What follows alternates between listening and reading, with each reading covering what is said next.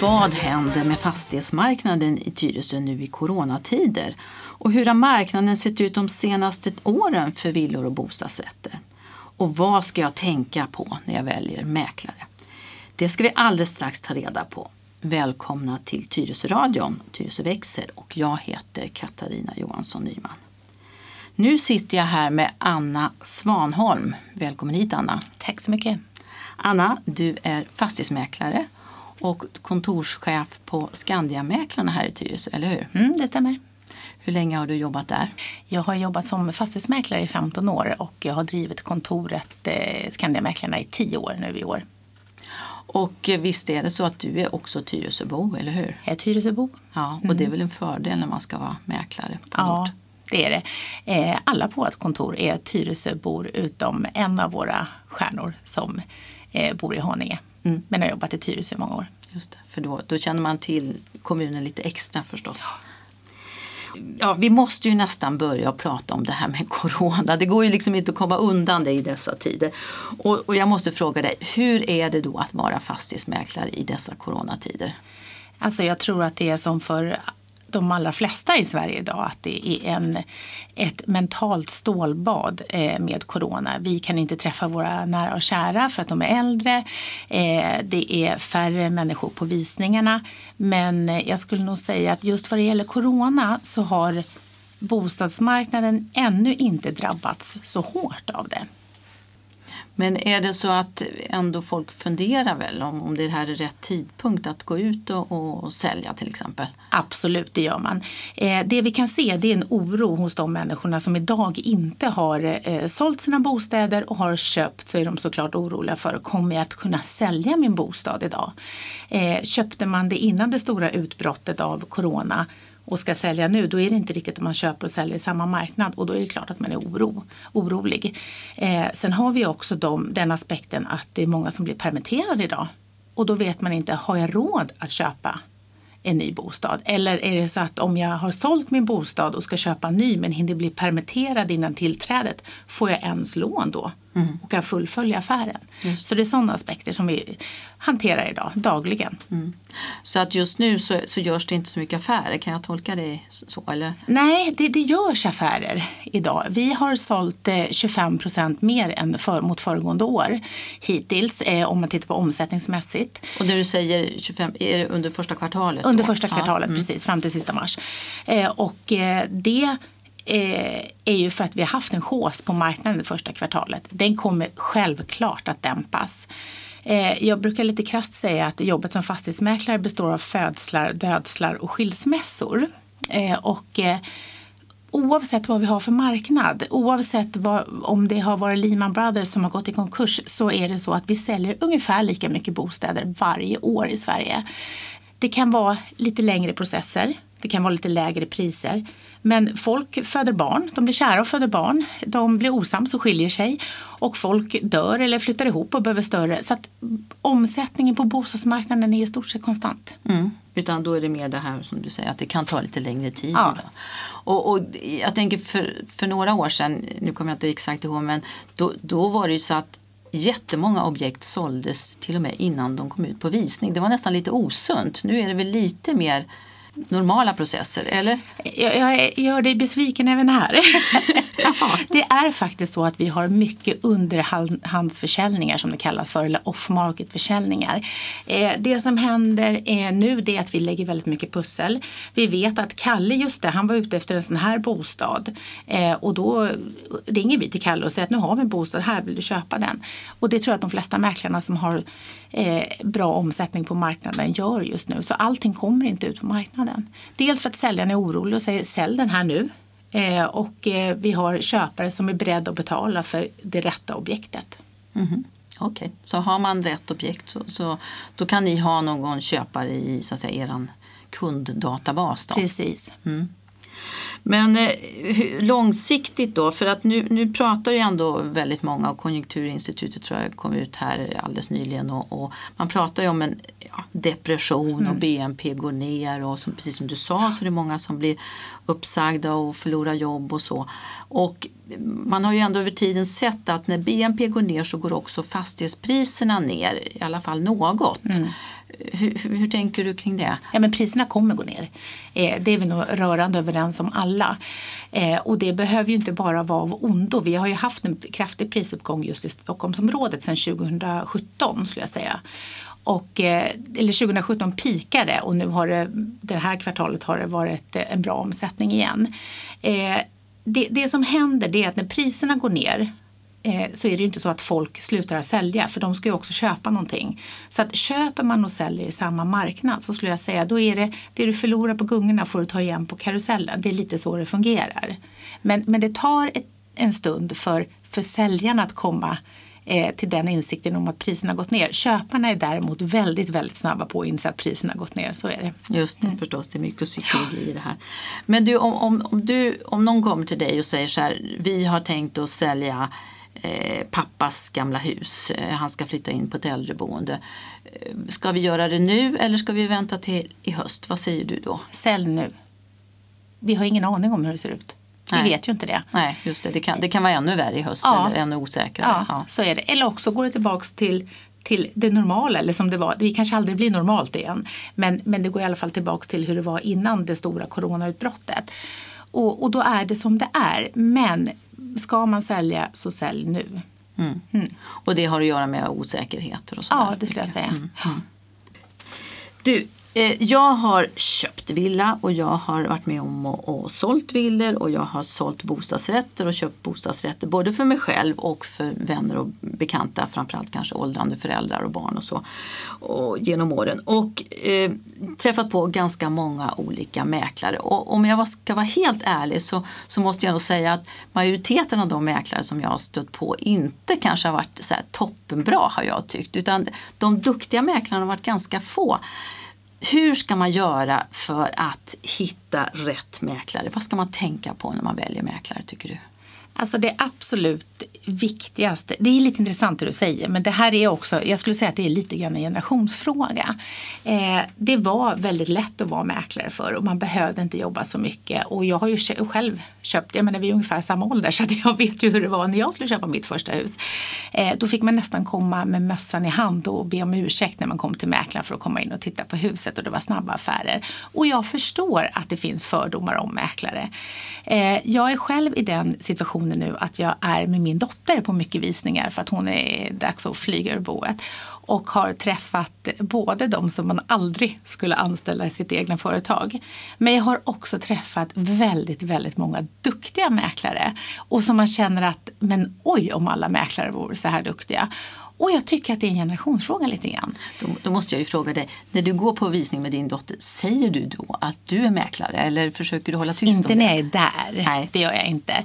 Eh, jag är ju född nyfiken så jag vill ju såklart se hur de agerar. Först, ja, ja förstås. Eh, eh, men, men sen är det så att man lämnar ju alltid ifrån sig telefonnummer och då ser ju de direkt var telefonnumret går om man svarar med Skandia-mäklarna när man svarar i telefonen. Eh, men, men jag skulle säga så här att överlag så tycker jag att det är bättre mäklare nu än vad det var förut. Eh, dels för att man får jobba hårdare för det. Ska jag vara lite, får man vara lite elak och säga att det är mer tjejer i branschen nu? Ja, det är det ju. Och du menar att det kanske har gjort att det har blivit... Mm. Det ja. kan nog ha gjort också. Ja, att det har intressant. blivit, ja, Eh, vi tjejer har eh, faktiskt alltid fått, vara, eh, fått jobba lite hårdare för att nå lika långt som killarna. Och det tror jag att vi också har med oss när vi träffar våra kunder. Eh, men när du väljer mäklare så är det viktigt tycker jag att du känner förtroende för den mäklare som du ska anlita. Eh, det gäller att du tycker att du kan vara öppen och ärlig. Du måste känna att den mäklaren som kommer till dig är öppen och ärlig. Vi är ju som jag berättade för dig innan, vi är inte bara, vi är inte bara duktiga säljare, vi är också psykologer, vi är kuratorer, vi är byggjobbare, höll jag på att säga, vi är allt. Eh, och för att affären ska gå bra så måste du och din mäklare ha ett, ett, ett bra förhållande. Ni måste kunna vara ärliga mot varandra båda två. Du ska ta dit några mäklare på intaget eh, som, som vi kallar vårt första kundmöte med kunden. Du ska framförallt se till att mäklaren har sålt en del i området. Du ska veta att de kan sitt område. Eh, de ska vara pålästa när de kommer till ditt första möte. Eh, det är bra att ta referenser. Man kan få referenser jättelätt om man går in och tittar på olika sajter på Hitta Mäklare till exempel så kan du se vilka mäklare som får bra omdömen. Det, det finns en speciell sajt som heter Hitta Mäklare. Ja, alltså. det gör det. Och Hitta Mäklare är också en sajt som eh, där alla bedöms så att säga och man kan se vad alla har för försäljningar. Det finns andra sajter som, som vissa mäklarbyråer har men som man måste betala för och tillhöra och då är det inte alla som tillhör dem då, så då blir det inte rätt betygssättning. Nej, men här är det helt öppet. Alltså. Ja, det är det. När du har en mäklare, anlitar en mäklare så ska du vara, eh, ta en mäklare som är beredd att springa de där extra metrarna för att du ska få det bästa slutpriset. Någon som är hungrig, eh, någon som är duktig på att arbeta och framförallt så ska du inte välja mäklare på den som värderar din bostad till högsta pris. Nej, och det tänker jag, det är ju väldigt lätt att man gör det för man blir väl lite smickrad och tänker att de här, Det är, här kommer att få. Mm. precis, det är precis så det är. Och det är ju faktiskt så, jag brukar säga till mina kunder när jag träffar dem att om jag ska värdera din bostad så ska du tänka på att om jag ska lämna ett, ett budskap till min chef så vill jag ju lämna det bästa budskapet och det är ju det högsta, den högsta värderingen. Men det är ju inte alltid det som är det sanna. Och då kan du få en besviken kund som mäklare om du väljer, ett för, eller väljer att värdera huset högre än vad det egentligen är värt. Men det är också det lättaste sättet att få in ett eh, objekt på. Ett lågt arvode och en hög värdering. Det. Och det är inte det du ska välja. Du ska alltid titta på vad är realismen i det? Be om statistik, referensobjekt, vad har de sålt? Eh, och sen så arvodet kan ha en betydande faktor men det är inte där det stora slaget står. Om du får betala 10 000 mer för en försäljning av en bostadsrätt men du kanske får 150 000 mer betalt så det är den procenten man ska titta på.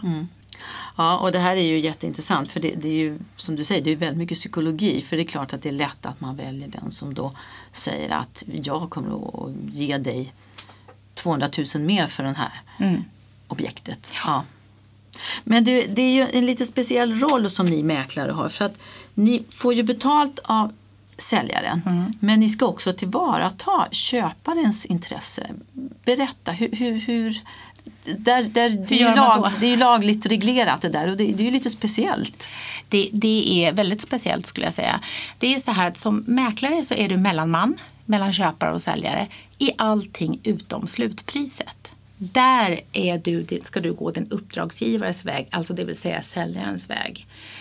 Så det, du får inte, har, det, har det uppstått ett fel i bostaden efter försäljningen och köparen ringer till dig och är jättearg och säger det här måste du lösa, du måste ringa till min säljare och säga att så här får det inte gå till. Så kan jag som mäklare inte göra det för då ska jag vara mellanman, då måste jag vara neutral. Så att ibland kan säljarna eller köparna tro att vi är ointresserade av att hjälpa till för att affären är klar så att säga. Men egentligen är det så att vi får inte hjälpa till. Men då ska vi också rekommendera köpare och säljare eh, och, och berätta för dem hur ska de agera, vad ska de göra. Och då brukar vi hänvisa till Mäklarsamfundets kundombudsman som dessutom är en Tyresöbo. Jaha, det ser man. Eh, I en del andra länder där har man ju en mäklare på köparsidan också. Är, är det någonting som du tycker skulle vara bra? Ja, vi har, ju- vi har ju pratat lite om det här i Sverige och man har gjort försök att eh, ha köpmäklare men det finns inte som i Spanien till exempel så är det ju så att då har man en köpmäklare och en säljmäklare och båda mäklarna får provision. Eh, och så funkar det ju inte här och sen har man dessutom ingen ensamrätt på objekten så att man kan ha 15 olika Oj, objekt. ja. Mm. Eh, 15 olika mäklare per objekt.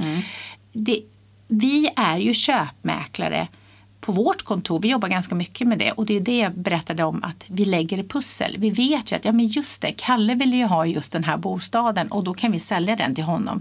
Så på sätt och vis är vi ju eh, köpmäklare på så sätt att vi hjälper våra kunder att hitta nya bostäder. Men vi är inte renodlade köpmäklare som man har i, i andra länder. Nej. Och sen tänker jag så här att i Sverige är det ju ändå så att det är väldigt styrt liksom lagmässigt sett så att det är förhållandevis enkelt för en privatperson att göra en fastighetsaffär jämfört med många andra länder där man måste ha massa advokater som skriver massor och papper och sådär. Så att det behövs ju inte riktigt på samma sätt på, på köparsidan. Nej, vi, är ju, vi får ju göra allting som mäklare i Sverige. Det får man ju inte i andra länder. Nej. Ja, och hur, hur ser då en försäljningsprocess ut om man går till er då till exempel? Det börjar med att vi kommer ut till kunden, till bostaden och eh, gör en, eh, en snabb besiktning av bo, bostaden. Och då menar jag alltså eh, vi går runt och tittar på hur den ser ut. Vi gör en värdering av bostaden och det baserar vi såklart på vår erfarenhet och vad som har sålts i området tidigare. Vi sätter oss ner och pratar med säljaren och frågar vad ska vi lägga upp en tidsplan? Tänker du sälja om en månad eller vill du sälja om ett halvår?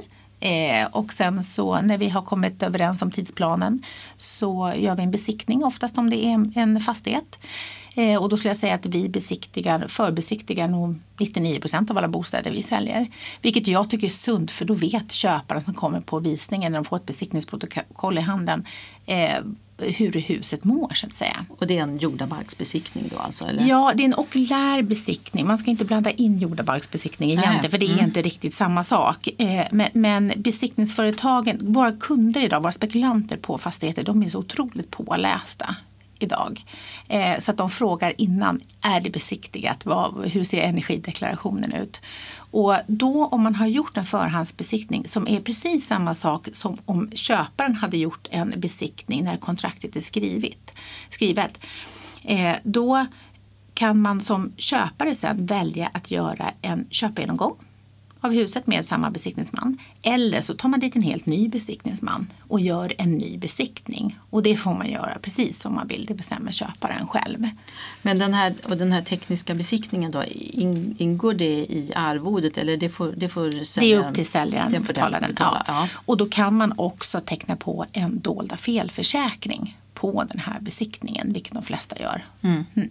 Och det kan ju vara skönt att ha. Det är skönt att ha. För upp, mm. alltså, en säljare är ju ansvarig för, för dolda fel i fastigheten i upp till tio år. Och det är inte jätteroligt om det ringer någon efter nio och ett halvt år och säger att du, det har uppstått ett fel här och vi tror att det kan vara att betrakta som ett dolt fel. Och ska man då ut med 700 000 kronor på någonting som man har sålt för nio och ett halvt år sedan så är det inte jätteroligt. Nej. Och då är det skönt att ha den här, eller den här försäkringen. Mm. Mm. Ja, jag har faktiskt bekanta som var med om det där och de, de hade dessutom själva köpt huset så de hade ju inte, kände inte alls till det där. Nej. Och det kan jag säga, det, det var dyra pengar. Det var inget roligt. Ja men, ja men det är så. Och det är, jag brukar säga det, det, är en, eh, det är en huvudkudde som gör att det känns gott att sova i tio år framåt. Mm. Så är det. Ja, mm. precis. Ja, och sen då? Eh, när man har gjort besiktningen då, då går vi, skriver vi en objektsbeskrivning. Det är alltså en beskrivning av huset. Om vi, det är samma sak för bostadsrätten men om vi går, tar det som ett hus nu då.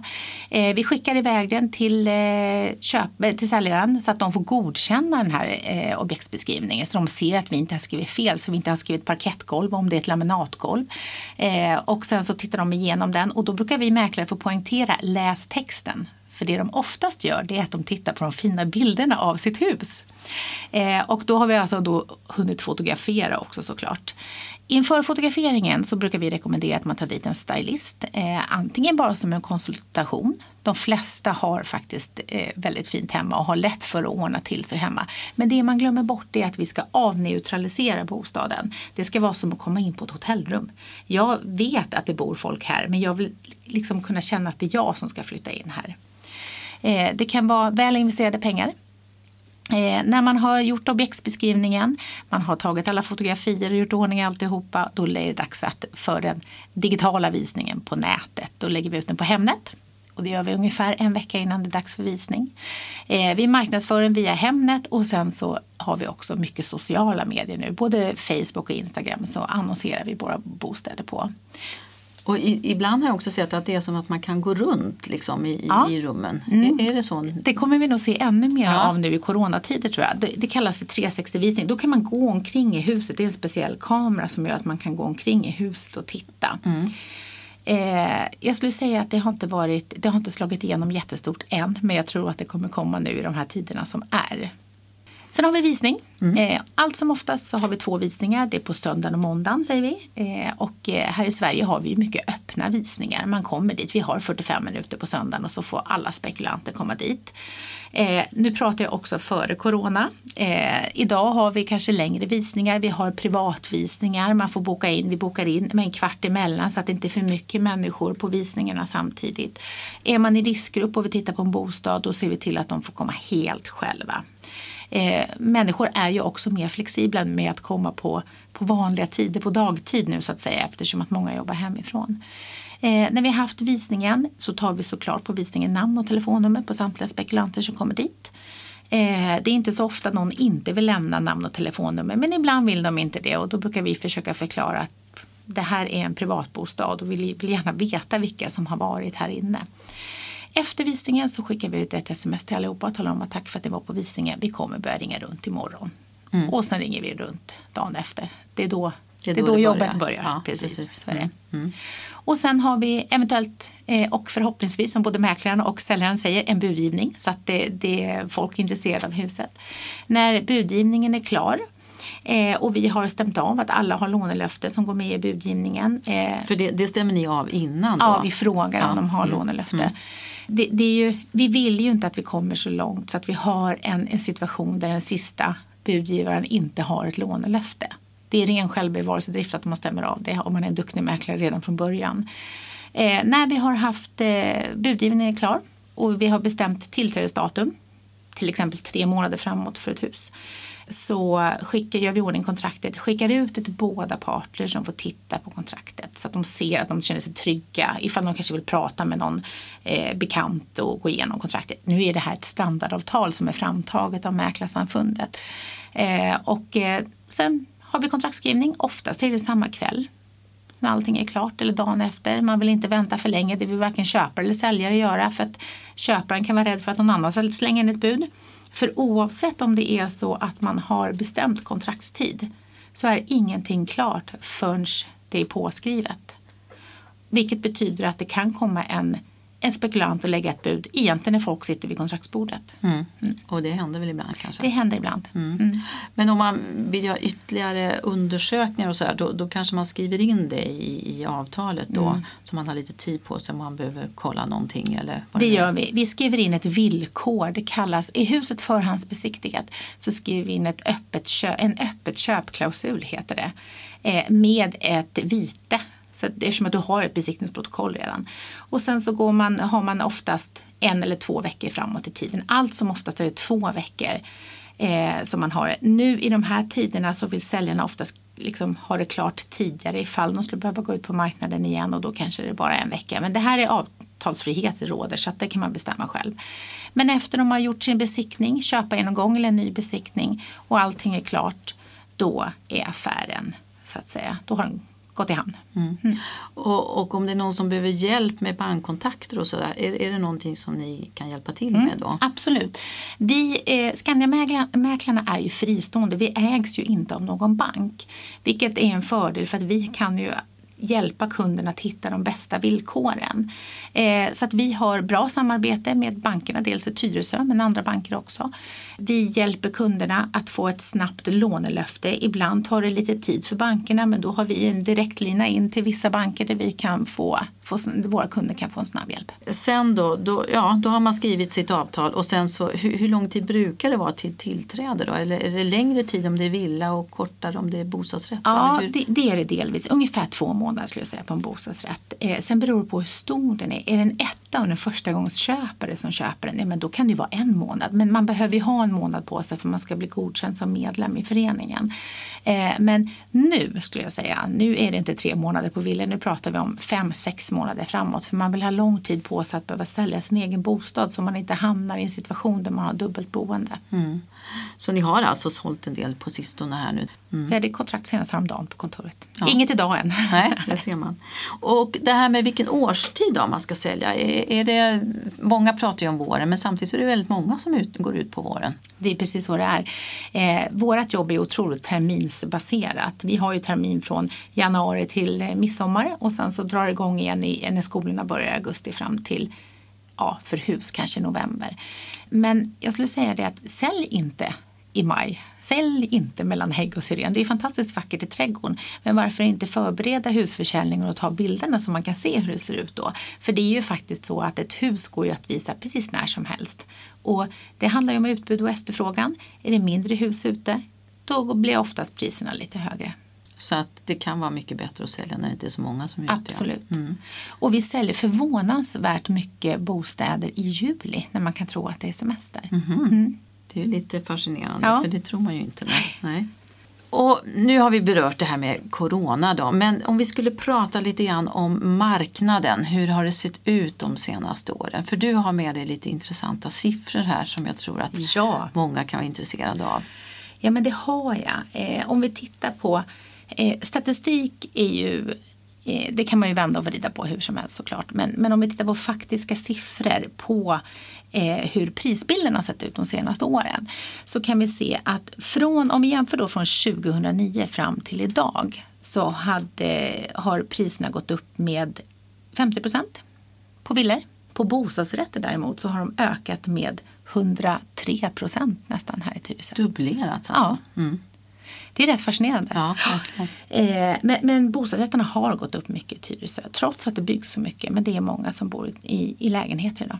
Och, då, och det, då när man tittar på bostadsrätter då, då är det, är det liksom på det befintliga beståndet då också som det har gått upp. Så, så, så det är inte bara de här nya bostadsrätterna som drar upp. Det här är ju ett snitt på alltihopa såklart. Men det befintliga, alltså successionsmarknaden som vi kallar de gamla lägenheterna, de så här begagnade lägenheterna för, eh, har ju också gått upp.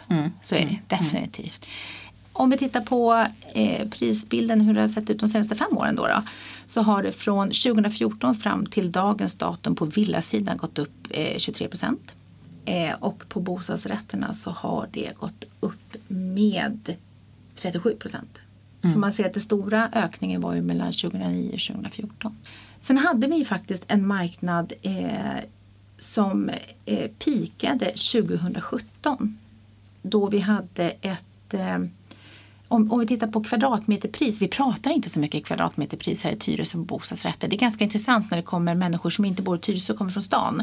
Och så frågar de om Ja, kvadratmeterpris det, på hus.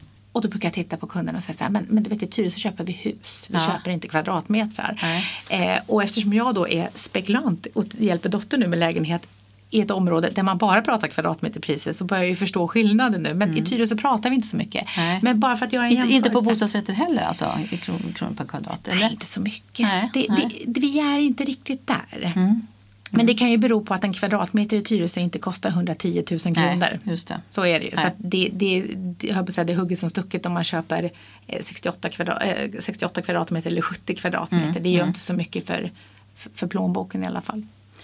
Eh, men tittar man då på eh, bostadsrätterna så hade vi i eh, 2014 så hade vi ett kvadratmeterpris på 25 700 kronor ungefär. Och idag ligger det på 35 000.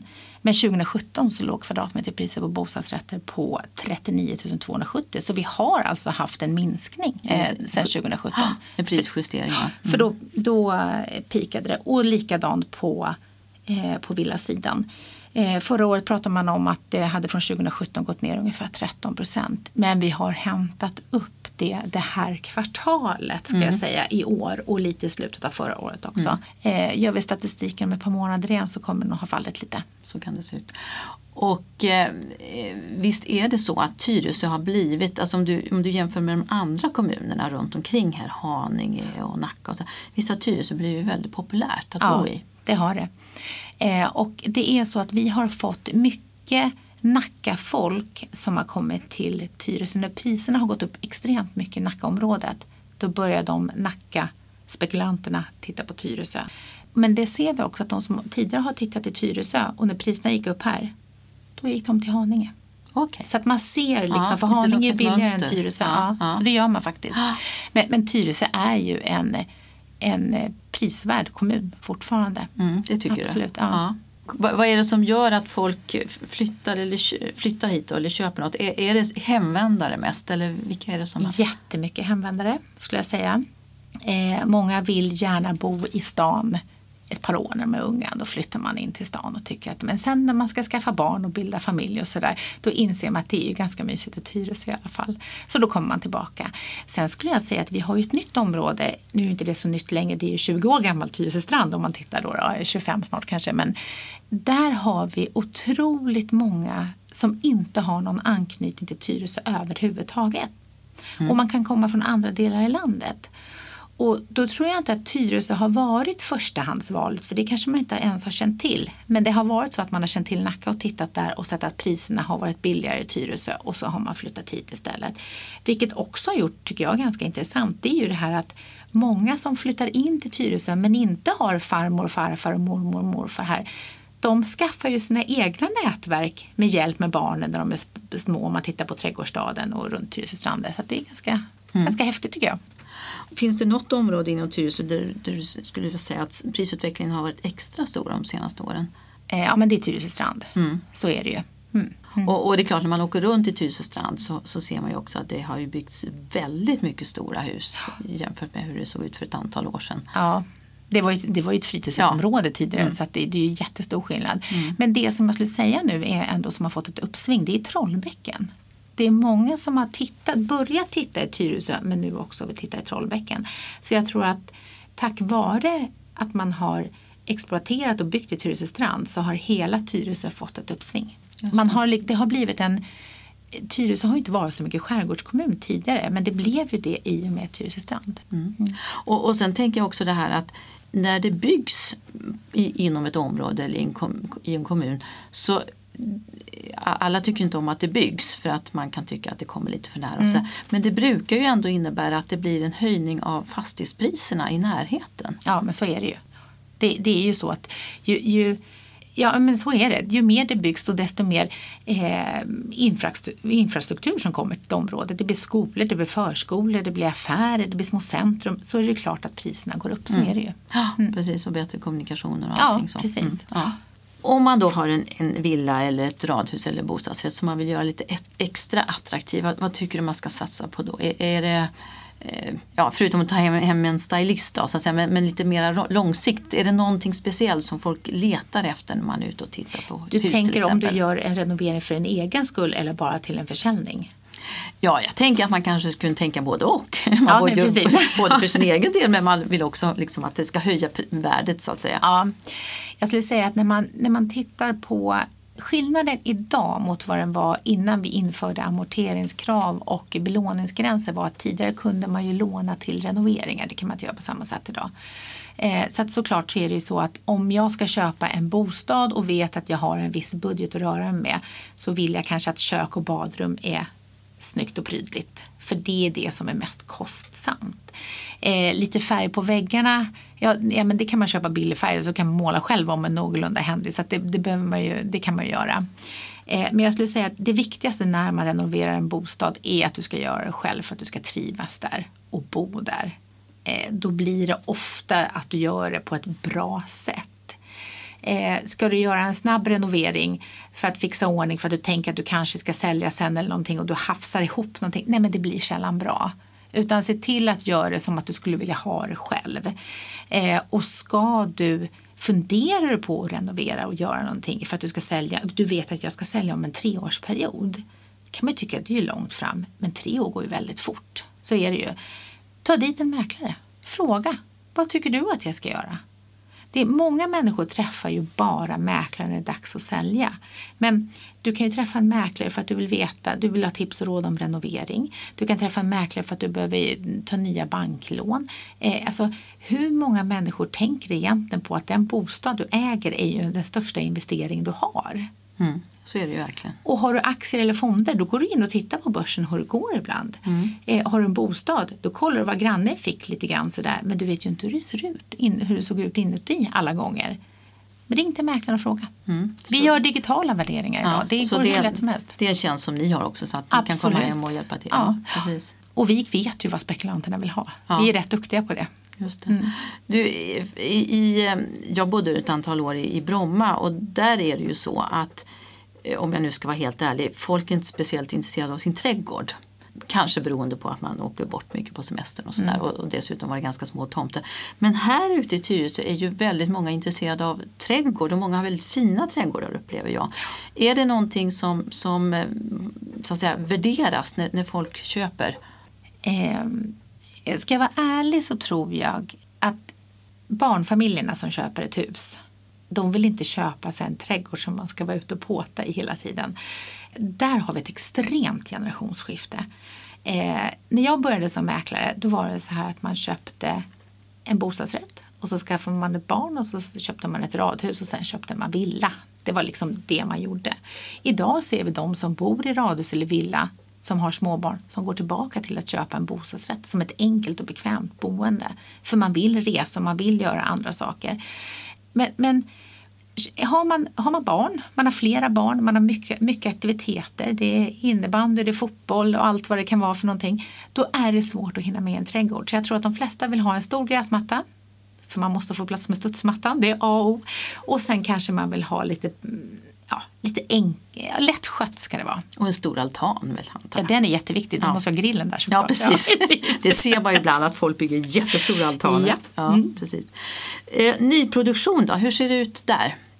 Ja, men det, den har återhämtat sig markant eh, mot vad det var för ett par år sedan. Jag tror också att eh, den kommer kunna få ett än större uppsving. Vi vet att vi har Eh, vi, vi, vet hur det ser ut på marknaden idag men vill du byta bostad så kanske det känns tryggare att köpa någonting som du ska flytta in i om två år. Men det gäller att det är bra priser, låga avgifter om det är bostadsrätter. Jag tror att fler och fler tittar på att det är låga avgifter idag och man tittar väldigt mycket på belåningsgraden på ny, nyproduktioner. Och det gör man både som spekulant, eh, som mäklare och banken framför allt. Och det ska man veta att är det hög belåningsgrad på bostadsrätterna då är det inte alltid att bankerna godkänner lånelöfte i de föreningarna. Och när du säger hög belåningsgrad, du menar du att föreningen har Föreningen har lån, precis. Mm. Mm. Precis, för att har du en hög belåningsgrad i föreningen och dessutom ska du själv låna mycket mm. så, så det är klart då blir det ju lite liksom tårta på tårta. Ja, så är det. Mm. Och sen tror jag att fler och fler kommer titta på eh, byggherrar som, som är erkända och och eh, har ett bra renommé så att det inte händer någonting under resans gång. Nu blir jag glad när du säger så. för, för, vi har ju sett faktiskt några skräckexempel här i Tyresö. Jag ska inte nämna men, men det har ju faktiskt och, och det här tycker jag det här är verkligen ett medskick till politikerna också. Mm. Att man ska inte låta vem som helst bygga. För det så straffar det. sig mm. i längden. Ja, precis. Mm. mm. Men du, och, och, på tal om det då så, så är det ju så att några branschkollegor till dig säljer just nu BRF då, ganska centralt här i Tyresö. Och där man, man gör reklam för att det är möjligt för juridisk person att köpa och man får också hyra ut i andra hand. Det här är bostadsrätter alltså. Mm. Är det här bra försäljningsargument tycker du? Jag blir livrädd när jag ser det där kan jag ärligt säga. Eh, det är nämligen så här att jag skulle själv aldrig köpa en bostadsrätt där det står att eh, juridisk person kan köpa och det är fri uthyrning. Jag skulle tänka så här Eh, om juridisk person får köpa tillräckligt många då är det inte säkert att det blir en äkta förening, bostadsrättsförening. Då kan det bli en oäkta förening vilket eh, kan få skattekonsekvenser. Om det är så att man får köpa för att hyra ut då tänker jag så här, vad är det, vad är det för, för marknad vi kommer sätta det här i? Ja men vilka köper? Jo men de som har pengar. För att hyra ut och tjäna pengar på de som inte kan få en hyresrätt. Eller så hyr man ut till vem som helst och så har du ingen aning om vilka som bor i den här föreningen. Vilket betyder att om du någon gång har en städdag, vilket de flesta föreningar har två gånger om året, om jag hyr i andra hand, vill jag gå ner och städa den där gården då? Nej, för jag kanske inte bryr mig. Eh, jag tror inte på det konceptet. Nej precis och, och, och, som du säger det kan ju till och med vara svårt att få folk som vill sitta i styrelsen i bostadsrättsföreningen. Ja, ja men precis. Mm. Och vilka ska sitta i styrelsen då? Det kan man ju fråga sig. De som bor där eller de som äger och inte bor där. Ja. Mm. Mm. Nej, det, det, det, blir ju lite grann som i en del andra länder man har ägarlägenheter som, som man köper som du säger. För att ja, det är en tredimensionell fastighetsbildning ja. så det är en helt annan sak. Då äger man ju fortfarande mm. någonting. Det är som att äga ett, ett hus fast de är ovanpå varandra. Men, men nej, jag eh, tycker det känns konstigt. Nej, jag mm. skulle inte heller vilja nej. köpa där. Men, men, men, men, det som är så roligt är att i det här fallet så tror jag att de tycker att det är ett bra försäljningsargument. Men, men, men jag skulle ju precis tänka tvärtom att för mig är det ett dåligt försäljningsargument. Jag vill absolut inte köpa nej, där. Och det för att du är lite insatt. Men tänk hur många som inte vet vad som... Alltså det är ju många som inte ens vet. Vi pratar om andra byggen här i Tyresö där det har varit där det är extremt höga belåningsgrader. De har bel, föreningslån på 18,5 per kvadratmeter. 18 500 ska jag säga per kvadratmeter. Och folk som köper har ingen koll på om det är bra eller dåligt för man har inte kunskapen. Och det är det som saknas idag. Man vet inte riktigt vad man ger sig in i alla gånger. Man tycker att man köper en bostadsrätt och sen säger man att det är föreningen som står för kostnaden. Ja, fast jag är ju en del i föreningen om det är, det är jag som är föreningen om jag köpt in mig i föreningen. Mm, mm. Så att jag tror att det är okunskap. Mm. Och, och, du vi var inne på det där med hög belåning i förening. Vad, vad, vad, alltså, vad är hög belåning i procent då skulle du vilja säga? Kan man säga så? Eller, Nej, det... det... vet inte jag. Det kan jag återkomma om i så fall. Ja, ja. Mm. mm. ja. Nej, det, det, det var mer liksom, nyfikenhet. Mm, man pratar mer kronor och ören. Jag skulle säga så att inne i stan så pratar man om att det är en okej eh, belåningsgrad om du har upp till 5 000 per kvadratmeter. Eh, här i Tyresö så är det inte konstigt om du har 10-11 000 per kvadratmeter. Du kan ha 13-14 på nyproduktion men när det börjar komma över det, ja, men då kommer bankerna börja dra åt sig eh, öronen lite grann. Och sen har jag också förstått att många banker är också väldigt försiktiga när det är små bostadsrättsföreningar. Mm. Därför att eh, om det är någon då som det inte går så bra för så, så, så kan ju det riskera hela bostadsrättsföreningen. Så är det. Eh, och eh, tittar man på, eh, för ett par år sedan tittade, då sa man att fem stycken var en gräns. Nu börjar man titta upp mot 10-12 stycken i en förening. Ja, hela Tyresö är ju nästan ett gammalt sommarstugområde ja. som så småningom har blivit permanentat. I alla fall inte minst i östra Tyresö. Hur ser ni att marknaden tänker kring det här med kommunalt vatten och avlopp och sådär? Om det är kommunalt vatten och avlopp på gång då vet vi att det kan kosta ganska många hundratusen att ansluta sig och sådär. Hur, hur tänker ni och hur tänker marknaden kring, kring de sakerna? Jag skulle säga att det beror lite grann på var eh, var man köper och varför man köper. Eh, köper du en fastighet och vet om att eh, du köper den för att du ska bygga ett permanent boende, då vet du att det här kommer att tillkomma. Eh, du räknar med det och det är ju så att om du har en, säljer en tomt och du har erlagt kostnaden för, för gatukostnad och, och VA och alltihopa, ja, men då får du bättre betalt. Så det, det slår ut på priset många gånger. Eh, är det så att du köper en mindre bostad för att ha som ett fritidshus, då är det ju ganska mycket om du ska ut med 600 000 kronor. Men, men lägger du in det för att bygga ett hus och du får en större byggrätt, då kanske man eh, då går det bara med så att säga. Mm. Mm. Så att, och, precis som du säger, om, om man då måste betala 500 000 för, för anslutningsavgifter och sådär och behöver sälja dagen därpå, då är det inte säkert man får tillbaka pengarna men över tid så, så är det ändå en bra affär. Alltså jag ska inte säga att du inte får tillbaka pengarna men, men det beror lite grann på varför man säljer och, och alltså framförallt varför man köper. Så är det väl. Är det för att du ska ha ett fritidshus eller är det för ett permanent boende? Eh, och tycker du att jag har råd med det här men det är ett permanent boende? Ja, just idag kan vi knappt säga någonting för vi vet ju inte vad som händer eh, med priserna just nu så att, eh, det är svårt att svara på. Mm. Mm. Ja, Anna, vi börjar närma oss slutet här. Vi har suttit här en tag. Är, är det någonting så avslutningsvis som du vill liksom ge medskick till alla, alla som sitter här i Tyresö och funderar på fastighetsmarknaden? Och, och man kan ju känna oro just nu, både åt ena eller andra hållet. Mm. Eh, jag skulle säga att eh, det är viktigt att tänka på att man ska köpa och sälja i samma marknad. Eh, om det är så att du funderar på att sälja nu och är rädd för att förlora 400 000 på din bostad så är det ju så att du ska köpa något nytt. Och går det ena ner så går det andra ner. Eh, det som också jag vill ta med det är att se till när du köper din bostad eller sök, ansöker om ett lånelöfte till exempel hos en bank. Och banken säger du får inte du får inte anlita någon annan mäklare än våra mäklare för det finns ju mäklarbyråer som, som faktiskt ägs av andra banker så är det rent olagligt att säga så. Ta då dit ett par banker, eller ta banker, ta dit ett par mäklare till. Faktiskt, det är viktigt att ha i åtanke. För vi har kunder som har kommit till oss och så har de sagt att vi vill anlita er. Men vi får inte för vår bank säger att vi måste anlita deras mäklare och det är olagligt. Oj, det visste jag inte ens att man försökte med. Ja. Nej, men så är det. Ja, det är mm. intressant. Då vill jag tacka dig så mycket Anna Svanholm som är fastighetsmäklare här i Tyresö. Tack så mycket. Tack så mycket för att jag fick komma hit. Och det här är Katarina Johansson Nyman på Tyresö Radio. Tack och hej.